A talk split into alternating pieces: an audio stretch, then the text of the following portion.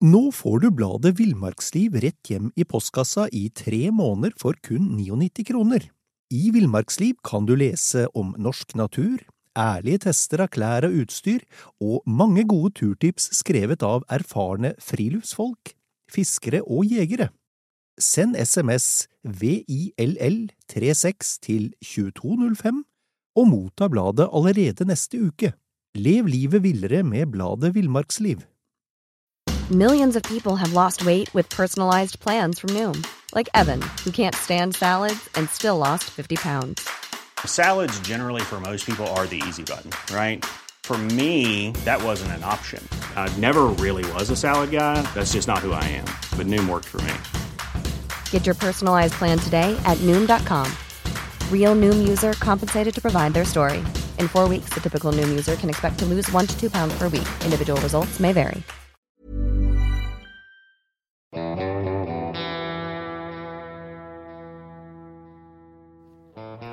Velkommen til podkasten Villmarksliv.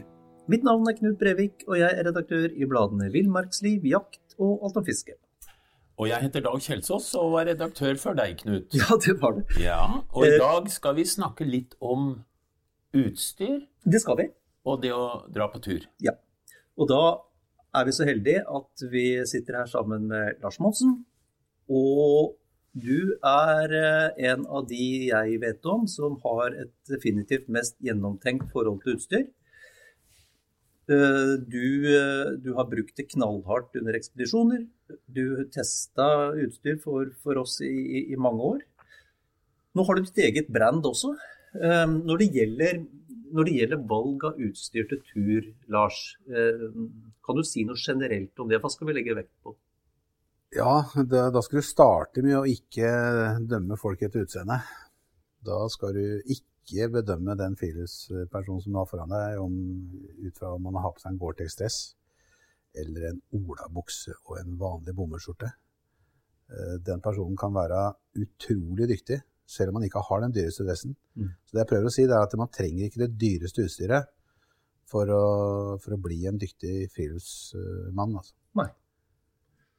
Det når det, når det gjelder eh, de ulike og de viktige utstyrs, eh, utstyrs, eh, utstyrstemaene, f.eks. Fjellstøvler, valg av fjellstøvler, hva skal du legge vekt på der? Fjellstøvler, altså det er noen ting da som man må bruke, eller ja, som er, bevisst på at det må være bra. Hvis du skal på en litt lengre tur i fjellet da, la oss si eh, minimum en uke, altså kanskje tre-fire uker. Uh, og fjellstøvler er en av dem. En god vindtett, vanntett jakke er uh, en annen en, og en god ryggsekk er en tredje. Mm. Og en god sovepose er en fjerde. Uh, Men fjellstøvla, da er første spørsmålet hvor går turen? Går den i skogen? Er det mye myk mose? Eh, Eller går den opp i høyfjellet over tregrensa hvor det er steinur? Mm. Eh, Det er mye strengere krav til skoa hvis du skal opp i høyfjellet. eh, Og gå liksom utafor oppmerka løyper osv. Og, så og selv DNTs rødmerka stier kan være veldig steinete og, og krevende for beina. Så det er viktig at du har gode fjellstøvler som har god støtte rundt ankla. De må ikke være jegerskohøye. De kan godt bare gå over eh, ankla, men de, de må liksom være stive nok. Og sålen må også være tjukk nok og, og passe stiv, sånn at han tåler at du liksom setter beina dine nedpå spisse steiner med 30 kg på ryggen, Mm. gang på gang på gang. 8-10 timer eh, marsj i løpet av dagen. Mm. Mm. Når det gjelder fjellstøvler, Lars, eh, kan du håper på å si, avkrefte det at du må slite med å gå inn fjellstøvler i ukevis på forhånd, kanskje med vann i, sånn vi holdt på med i gamle dager? Ja, husker du det, at vi drev med det greiene Ja, ja, ja, ja. Nei, men det er helt eh, Det skjer ikke nå lenger. Nå kan du som regel, eh, hvis du da prøver skoa i butikken, og da helst med de sokkene, om det er ett eller to par du skal bruke, så, så holder det. Og da bare er det å gå rett på tur med de skoa. Så går det som regel bra. To- To-tre runder opp og ned i trappa i butikken, pleier jeg å si. Ja. Og så snører de ordentlig, sånn som de gjør i felten. Ja. Hva med, holdbarheten? Og grunnen til at jeg spør er at jeg i løpet av tre høster så fikk jeg lekkasje på tre ulike modeller fjellstøvler. eh, og ble litt oppgitt. Eh, hvor lenge skal et par fjellstøvler vare, etter din oppfatning? Nå henter du kanskje til Gore-Tex-brann i Ja. enkelte sko. Ja. Og jeg tror jeg skrev i Villmarksboka når den kom for sikkert 20 år siden, at uh, fjellskoen den kan være veldig bra, den, selv om det er Gore-Tex sin. Ikke sant? Ja. Eh, Fordi, fordi jeg har ikke opplevd at, det, at det, sko med membran har holdt seg tørre, eller tette, da, veldig lenge. Dessverre. Så jeg kjøper, når jeg kjøper fjellstøvler, så, så ser jeg bort fra det. Det er greit å holde en stund, men jeg, jeg, jeg godtar at de blir lekk. Mm. Faktisk etter bare en måned eller to i fjellet. Altså. Ja. Og sånn er det bare. Mm. Men Lars, eh, støvler skal vedlikeholdes. Eh, Hva slags vedlikehold driver du med når du er på tur la meg si, over minst ei uke, eller kanskje to-tre? Ja, hvis det er en uke, to-tre, så tar jeg ikke med meg noe. Faktisk. Men jeg kommer hjem igjen, så tørker jeg støvla, og så smører jeg dem inn med noe som suger seg ordentlig inn i skinnet. Men det hender også at jeg kan ta med en liten boks. La oss si at jeg fyller opp en, en Vaseline-boks med, med skosmøring, eller eh, det jeg bruker da på støvla. Den gamle Kiwi-skosmøringa, den svarte, den er fin på, på, på skisko. Men eh, på vanlige sommerfjellstøvler så, så bruker jeg noe annet fett, altså. Og gjerne noe med, med revefett og tjære. Så det er ikke trygt å være rev når du er i nærheten? Jo da! Men det er andre som fikser det greiene der med å lagre til. Mm. Ok.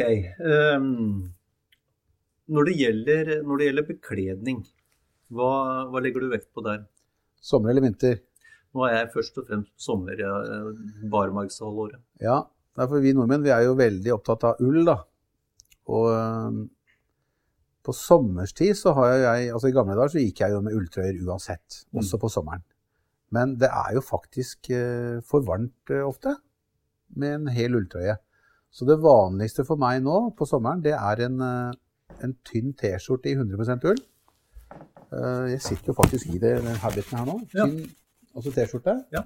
Som tørker veldig fort på kroppen, men samtidig har de ullegenskapene med at du holder deg varm når den er fuktig. da. Mm. Pluss utapå så har jeg en skjorte som er vindtett og myggtett. Og som har også lommer og de tinga jeg trenger. da. Mm.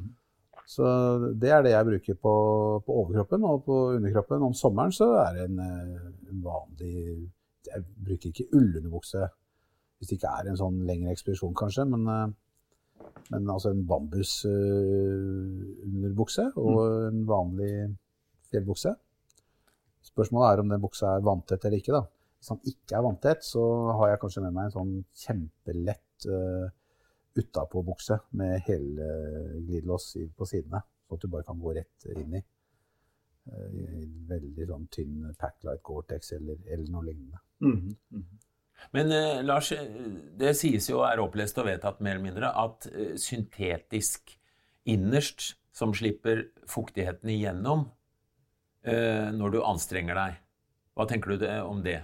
Jo, det, det funker det, og det er veldig mange som er tilhengere av disse nettingløsningene. Ja. Eh, og det sier jeg ingenting på. Jeg har bare aldri liksom eh, Jeg liker den andre varianten enda bedre, da.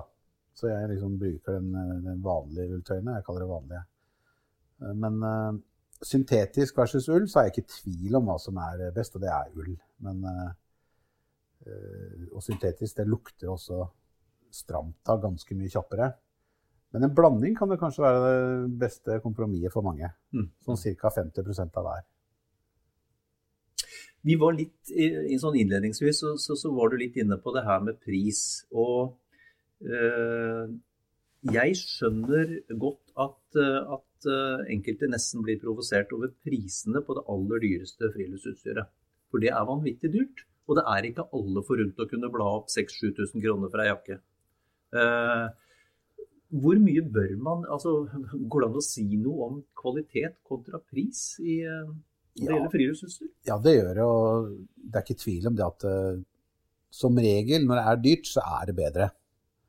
Eh, et veldig godt eksempel av det er jo mitt eget brand. Altså, eh, vi kommer til å lage ting for eh, Store Hopen som er eh, rimelig og helt greit. Mm. Som duger for folk flest. Men som eh, jeg ikke ville valgt på en eh, tomåneders ekspedisjon i Alaska. Mm. Eh, Og så har jeg lagd en del eh, produkter som jeg liksom eh, Nå skal jeg bare lage det beste. Mm.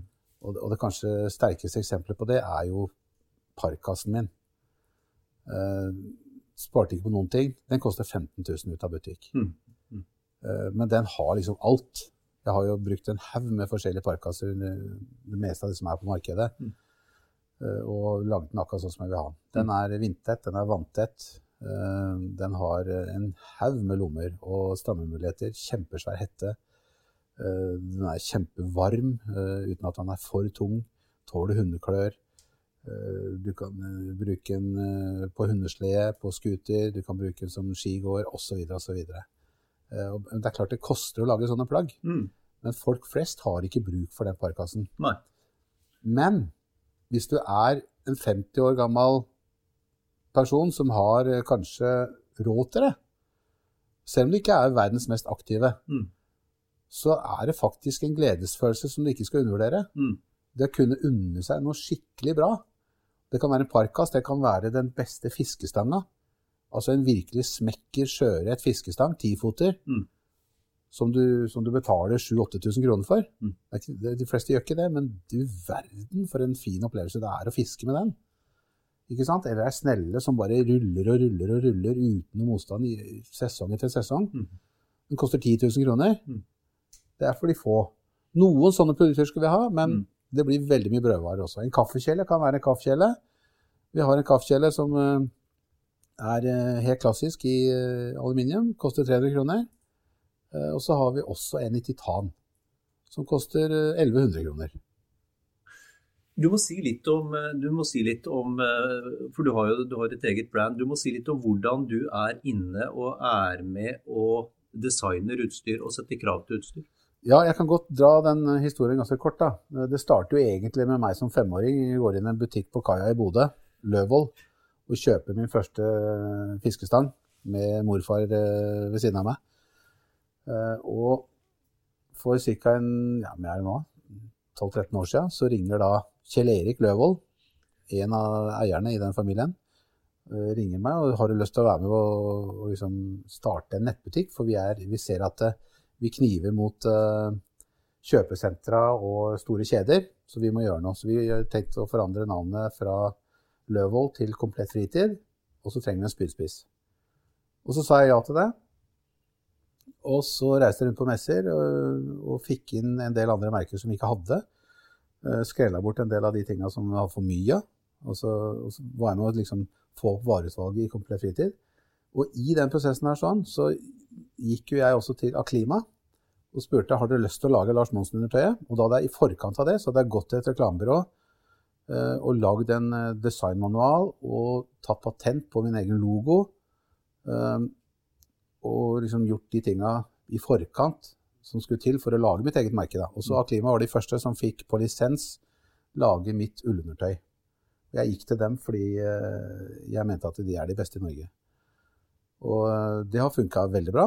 Og så, disse gutta i Bodø, så har vi da danna et firma som heter Lars Monsen Gear, og så har vi begynt å lage Lars Monsen-utstyr. Så da har mitt, mitt uh, firma gitt vårt fellesfirma lov på lisens til å lage Lars Monsen-utstyr. Og så har vi da uh, oppretta en ny nettbutikk som heter larsmonsen.no, hvor, alle, det er kun Lars Monsen-produkter. Mm.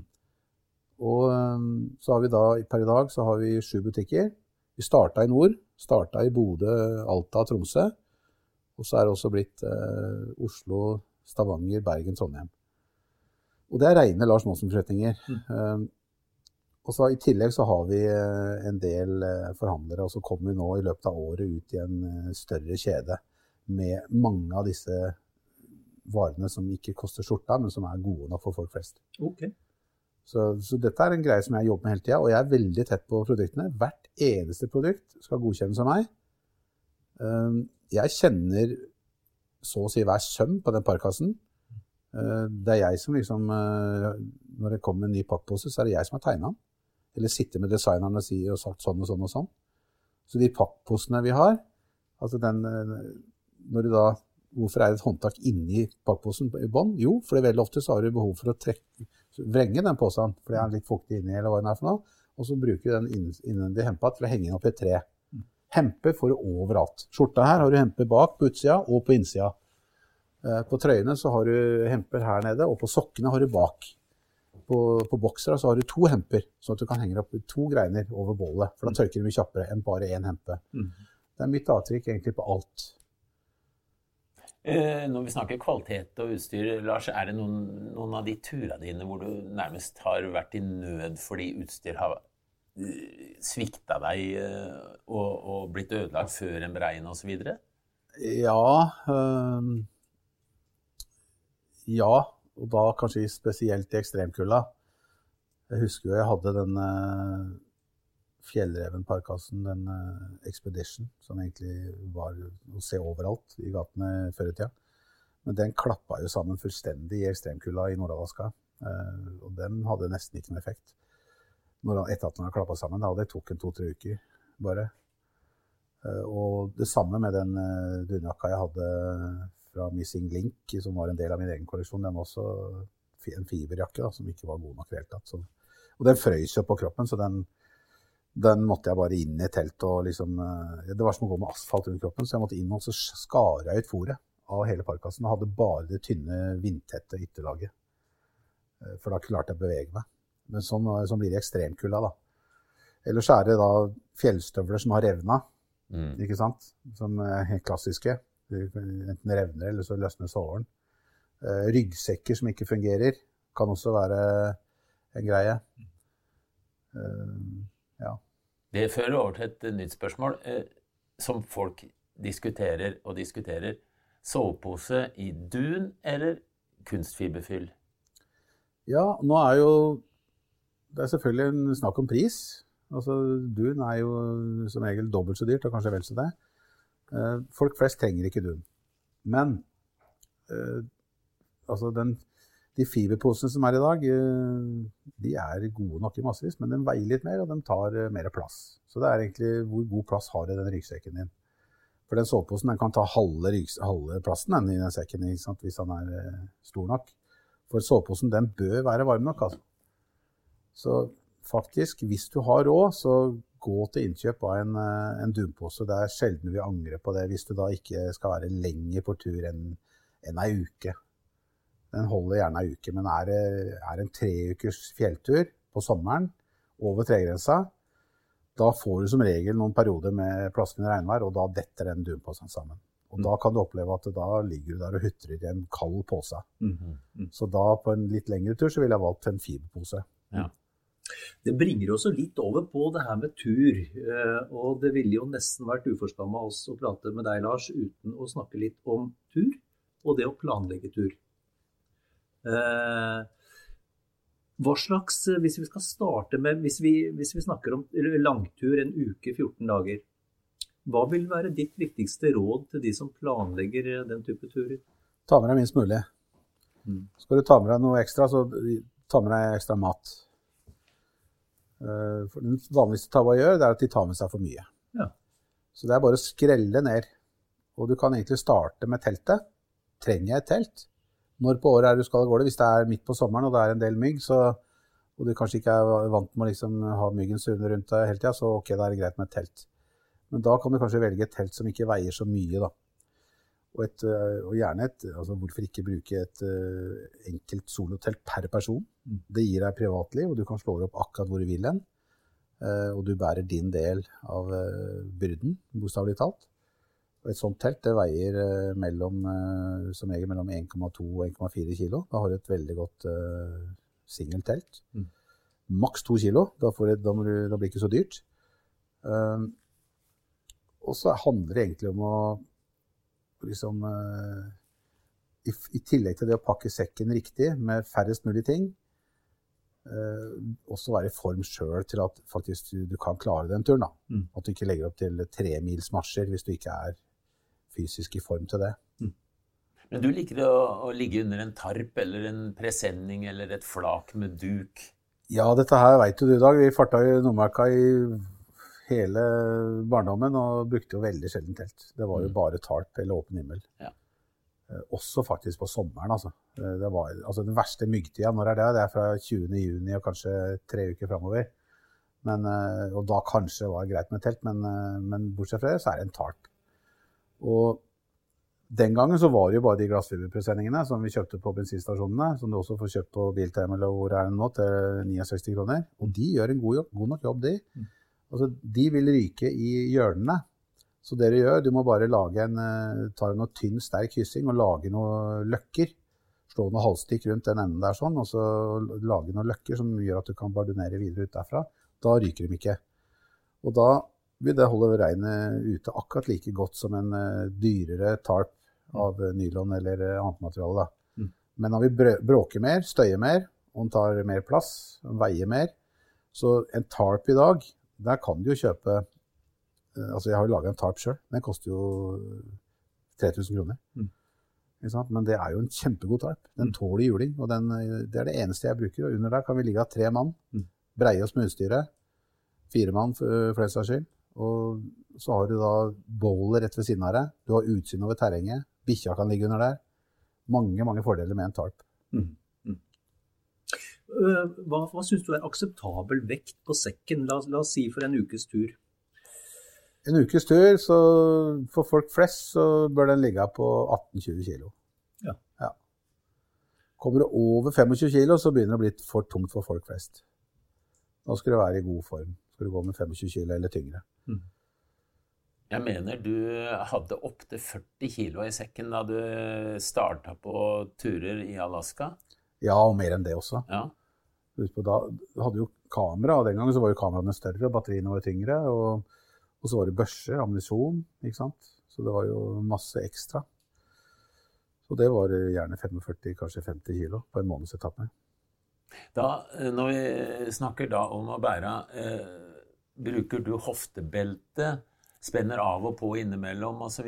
Jeg har tenkt en del på det der, sånn, for jeg vokste jo opp med Rondane-sekkene. De husker dere. Det var jo Bergan som kjøpte opp Rondane etter hvert, men de der svære Rondane-sekkene, de, de, hadde hoftebelte, men jeg brukte det aldri. Jeg gikk eh, opp bakkene på ski uten hoftebelte. Og, så, og hadde ikke smøring under skia heller. Sånn var det den gangen, i tjukk vadmelsdress. Jeg husker så godt. Jeg kom, jeg kom gående Nå, for, nå forsvant, forsvant jeg i en annen retning her, men jeg kom gående opp en av de bratte bakkene opp fra, opp fra Skansebakken. Og på toppen av bakken sto en gammel kar du, som sto og kikka på meg mens jeg kom stavrende oppover der med, med treski og, og og en sånn svær eh, rondanesekk med reinskinn på toppen. Så sa han bare, han på meg og så sa han, gudskjelov, det er noen igjen. Hvor gammel var du da? Ja, det er 17-18 år. Noe, ja. jeg, kan love, jeg kan love deg det. Jeg gikk skitur med treski her forrige helg, ja, og det forvilla meg ut fra løvsnøen og inn i ei skiløype. Ja. Jeg skal love deg det var folk som glodde, ja. ja. Treski. Jeg, jeg kom med treski. Ja. I, når jeg kommer med i kolleksjonen min, så er det treski. Jeg har valgt treski, og det er godt til dem som kan det. Rønning. Så da blir det en, en Monsen-ski fra Rønning treski. Ah, morsom. Norsk produsent. Yes. Og det er litt Altså, det er produkt for de, for de få. Ja. Ikke sant? Det blir en dyr greie. Seksjon. Jo, men du kan komme med reklame for teskjea, nemlig smøring eller ikke, ikke sant? Ja, ikke sant? Og det er jo altså det er nostalgisk også, ved det å ha treski. Men i tillegg så vil jeg ha liksom det spesielle med det, da. Altså den der gode, nostalgiske følelsen. eh, Så er det noe med det urnorske friluftslivet som er så, ligger så dypt uh, inn i den treskia. Mm. Det henger igjen. Du, Nå forsvant jeg i et litt annet leie igjen med deg. Så dette er en samtale. Men hva tenker du om at nå skal hele Norge på tur? Det er jo helt fantastisk. Det er jo det. er det det? Det er jo det.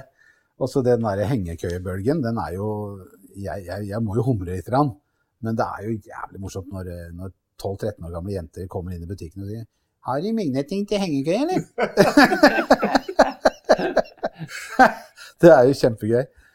Det, det må jo være en fantastisk mulighet for norsk friluftsliv til å få en vind i seilet. Ja, absolutt. Og, og, og tenk på gevinsten i forhold til eh, folkehelsa. Det er Ja. noe som er veldig vanskelig å måle, men det er ikke tvil om at det har noe å si. Mm. Alle de unge menneskene som nå liksom får en ballast fra naturen og friluftslivet, og da eh, gjennom det, ved å være på tur, så blir de sterkere. De Mm. lærer, altså de får selvtillit raskere. For sånn er naturen. Det er masse små oppgaver som du lærer veldig fort hvordan du skal utføre, og da får du selvtillit av det. Er ikke, det, er ikke det psykologene kaller mestring? Jo, mestring. Mestringsfølelsen kommer veldig fort i naturen.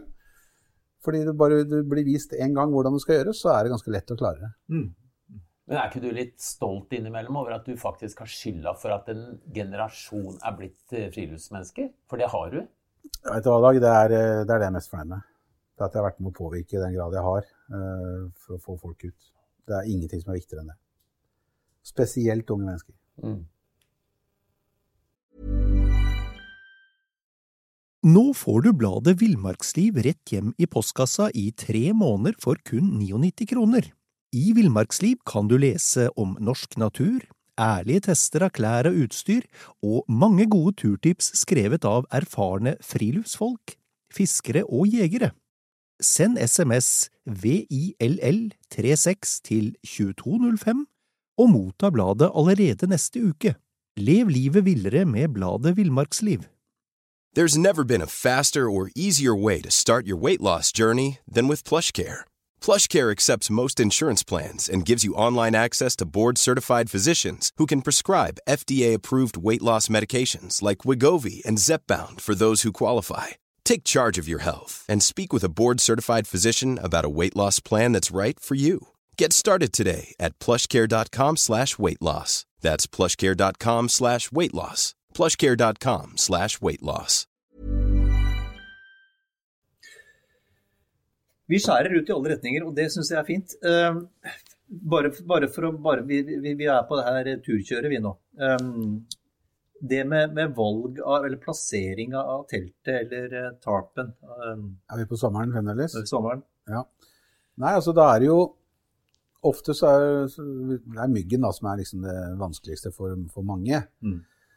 Og på sommeren så er det da ofte en dårlig idé å legge seg nede, helt nede i elvekanten. Altså Da er det bedre å gå opp på en liten kolle, kanskje, en morenehaug hvis du er i fjellet.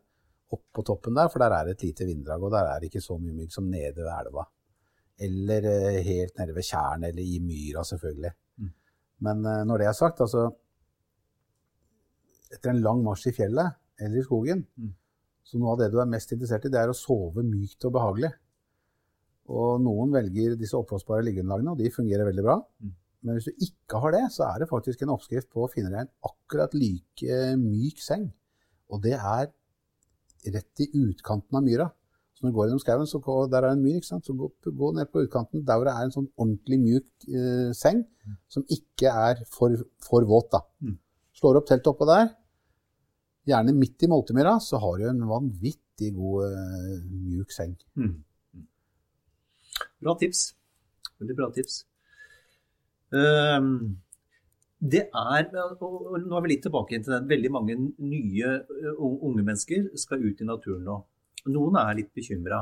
Um, hva, hva, tenker du om dette med aktivt friluftsliv og farer?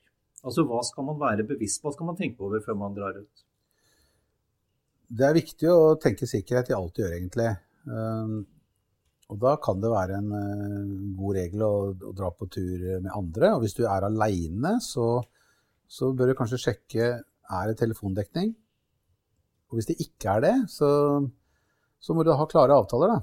For det vil jo kanskje være mødre eller fedre som er bekymra. Så ok, da er avtalen at uh, du får ikke høre fra meg nå på tre dager. Da må det være dealen på, i forkant. Mm. Men du kan gjerne etterlate ruta di, da. Hvor skal du gå hen? Jo, da blir det Muggavassdraget. På, kanskje på nordsida, ikke sant? Og, men da veit du sånn cirka. Men det kan hende at jeg forandrer uh, løpet, for kan, du må liksom ha friheten underveis også. Mm. Så det er liksom rutevalget. Har du muligheten til å ringe? Klare avtaler i forhold til bruk av telefon. Og så må det ikke bli sånn at uh, foreldra liksom ringer 'Nei, jeg, har ikke hørt noe på tre timer, liksom. Nå er det noe gærent.' Nei, det er ikke det. Som regel så går det veldig, veldig fint. Uh, og så er det dette med med vann, da. Altså hvis du er i kano eller packraft, mm. Så må du jo kanskje være ekstra nøye med å liksom ikke ta noen sjanser. Og det sier jeg til eh, folk som jeg også drar på ekspedisjoner med, som er drevne folk. Og Det som forteller meg at dere er eh, dyktige, det er at dere bærer forbi det stryket. Hvis dere er i tvil. Mm. Det, for det handler om å ikke ta noen sjanser. Det handler om å ikke liksom skulle bevise at du er tøffest eller mest macho eller hva det er for noe. Mm. Det handler om å unngå dramatikk. Vær så kjedelig som mulig. Og så er du uinteressant for Dagbladet VG, så, så det, da har du gjort noe helt riktig hvis du er på ekspedisjoner. Den ekspedisjonen som havner på forsida, de har som regel gjort noe gærent. Mm. Da har du måttet overleve på blåbær i ei uke, liksom. Jo, hvorfor? Jo, de gjorde noe gærent. Da er VG og Dagbladet interessert. Hvis vi skal sprette litt videre, da. Blåbær som stikkord. Mat på tur. Hva er eh, Kan du gi oppskriften på en kort tur, hva slags mat du bruker der, og på en langtur? Altså på, da starter jeg egentlig med, med gram per døgn, som jeg pakker med i sekken. Og hvis det er eh, altså en kortere tur, en helgetur, så er det ikke så viktig. Men da kan du liksom ta med deg brød og det meste, egentlig pølser og hva det er for noe. Men på en uh, lengre tur, la oss si fra en, på en 10-12 dagers tur eller lenger, månedsekspedisjon, så må du være bevisst. Og da er det, det er en god regel. Det er uh, maks 500 gram proviant per dag. Og hva kan de 500 gram uh, proviant bestå av? Jo, det kan være 200 gram til frokost, 200 gram til lunsj og 100 gram til middag. Ikke mer enn 100 gram til middag, for du, du klarer å skaffe fisk underveis. Eller så sparer du litt av frokosten eller lunsjen til middagen også. Det kan være havregryn, det kan være knekkebrød, kanskje med eh, 100 gram pålegg, eller kanskje spekepølse. Til lunsj kan det være sjokolade, det kan også være supper eller realturmat eller eh, sånt. noe. til middag kan det være salt og potetmos. Gastromat og potetmos. Og så har du kanskje noe smør til å steike fisk hvis du skal det. Eller så kan du koke fisken. Og potetmosen det er kanskje det mest geniale produktet som er. Altså. Det går real turmat en høy gang. Hvis jeg måtte velge mellom real turmat og potetmos, så velger jeg potetmos. Fordi det er mye raskere å lage. Det er ferdig mye, mye raskere enn real turmat, som må trutne litt. Eh, og så får du takere overalt. Eh, og er, du trenger ikke å koke vann engang. Det kan være lunka, så får du i deg næring. Eh, ja, så selvfølgelig, hvis du da ikke skal fiske, eller du ikke skal jakte, så må du kanskje beregne noe litt mer til middag, da. Men en halvkilo mm. per dag, det klarer du å bære. Ja. Og da snakker du om å bære ting som ikke inneholder altfor mye vann? Ja. Ikke vann i det hele tatt, faktisk. Mm. Så frysetørra. Mm. For vann har du overalt i naturen, så det er helt unødvendig å bære med seg. Du nevnte fisking. Jeg er nødt og jeg er notorisk nysgjerrig. Hvor stor ørret har du fått i Norge? ja. ja, den er ikke liten, det skal jeg fortelle deg. Den er så stor. Og det er mellom øya, det der. fair nok. Ja, fair nok. Stor, skjønner jeg. Ja, og, og, hvor du har fått den, kan du fortelle meg etter. Det er hemmelig vann. Det er hemmelig vann. Nei, men det er bra. Du, du, driver jo, du, driver jo, også, i tillegg til at du har din egen, ditt eget brand og, og, og selger utstyr, så, så, driver du også foredragsvirksomhet, og ikke nå i disse dager riktignok, men, men, men også kursing. Hva, hvilken, hvilken, del av friluftslivet er det mest behov for kursing, syns du? Altså, hvor, hvor kan vi for lite? For folk flest så er det kanskje, hvis det er ett felt, så er det kanskje orientering. Altså det å bruke kart og kompass. Det er nok eh, mange som skulle ønske at de kunne mer om, da. Ja, Vi har jo GPS. Ja, man har GPS, og, og, for all del, gjerne kjøpe det og legge inn kart og, og bruke GPS-en. Men liksom, hva skjer den dagen eh, du mister den, eller batteriet går tomme? Altså Den der fingerspisskunnskapen med kart og kompass sammen, den er uh, veldig viktig å kunne. altså. Mm. Så det å sette seg inn i hvordan du orienterer i villmarka, det er et, eh, det er et godt uh, første steg på forberedelsene mot uh, sommerturen. Mm. Mm. Der finnes det bøker. Mm, mm. Hva, hva, slags, hva, slags, kurs er det du arrangerer hos deg? Nei, det kan være villmarkskurs hvor jeg liksom tar for meg de viktigste feltene som orientering, kosthold, sikkerhet.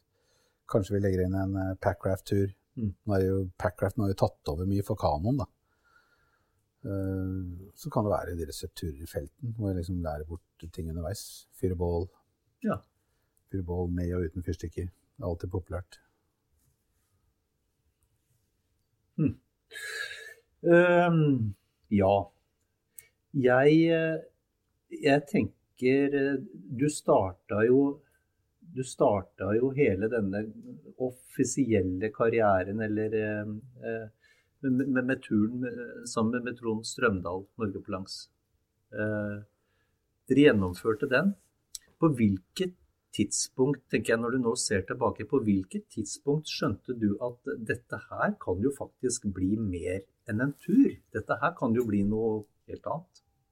Ja, jeg husker egentlig veldig godt. Det var uh, underveis på Norge på langs. Da bestemte jeg meg for at uh, den sjansen tar jeg nå. Jeg, jeg, kommer til å prøve å gjøre dette her til jobben min. Mm. Med å gå lange turer og skrive bøker. Og det å leve som skribent for bladet Villmarksliv og det å skrive bøker, det var det som var uh, målet mitt den gangen. Og det Jeg var forberedt på liksom, at det skulle ta ti år med veldig lav inntjening og leve på ris og makrell i tomat. Og, men da kutte ned på utgiftene i hverdagen, sånn som jeg hadde gjort egentlig hele livet, mm. så så jeg det som mulig. Så jeg, bare, jeg var jo utdanna lærer og hadde en trygg lærerjobb, men jeg sa opp den og blei eventyret på heltid i 1991.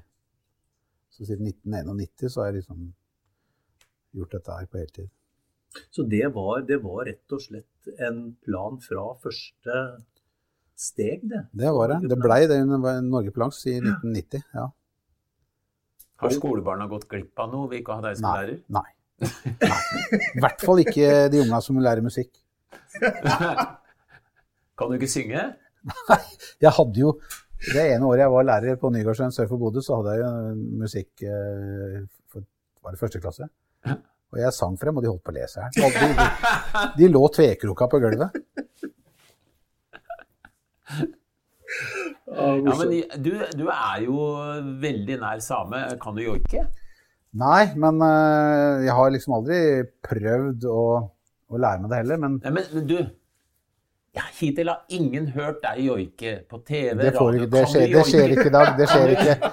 Det skjer ikke i dag. Vær så snill. Nei, Godt, godt, forsøk, da. Nei, ja, godt forsøk. Jeg kan, jeg kan nevne at Trine hun har faktisk hørt det. For uh, for jeg eh, Vi kjørte langt i bil, og så spilte jeg Intrigue uh, i bilen.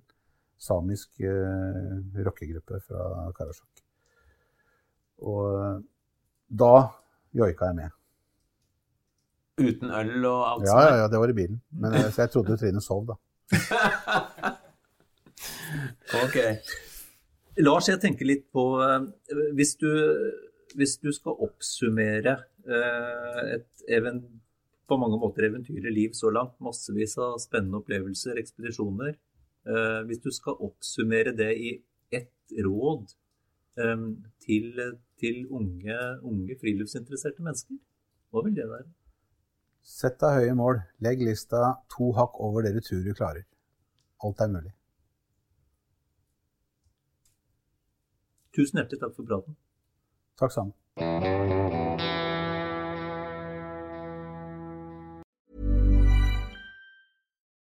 Nå får du bladet Villmarksliv rett hjem i postkassa i tre måneder for kun 99 kroner. I Villmarksliv kan du lese om norsk natur, ærlige tester av klær og utstyr, og mange gode turtips skrevet av erfarne friluftsfolk, fiskere og jegere. Send SMS VILL36 til 2205 og motta bladet allerede neste uke. Lev livet villere med bladet Villmarksliv. Hey, it's Danny Pellegrino from Everything Iconic. Ready to upgrade your style game without blowing your budget? Check out Quince. They've got all the good stuff shirts and polos, activewear, and fine leather goods, all at 50 to 80% less than other high end brands. And the best part? They're all about safe, ethical, and responsible manufacturing. Get that luxury vibe without the luxury price tag. Hit up quince.com slash upgrade for free shipping and 365 day returns on your next order. That's quince.com slash upgrade.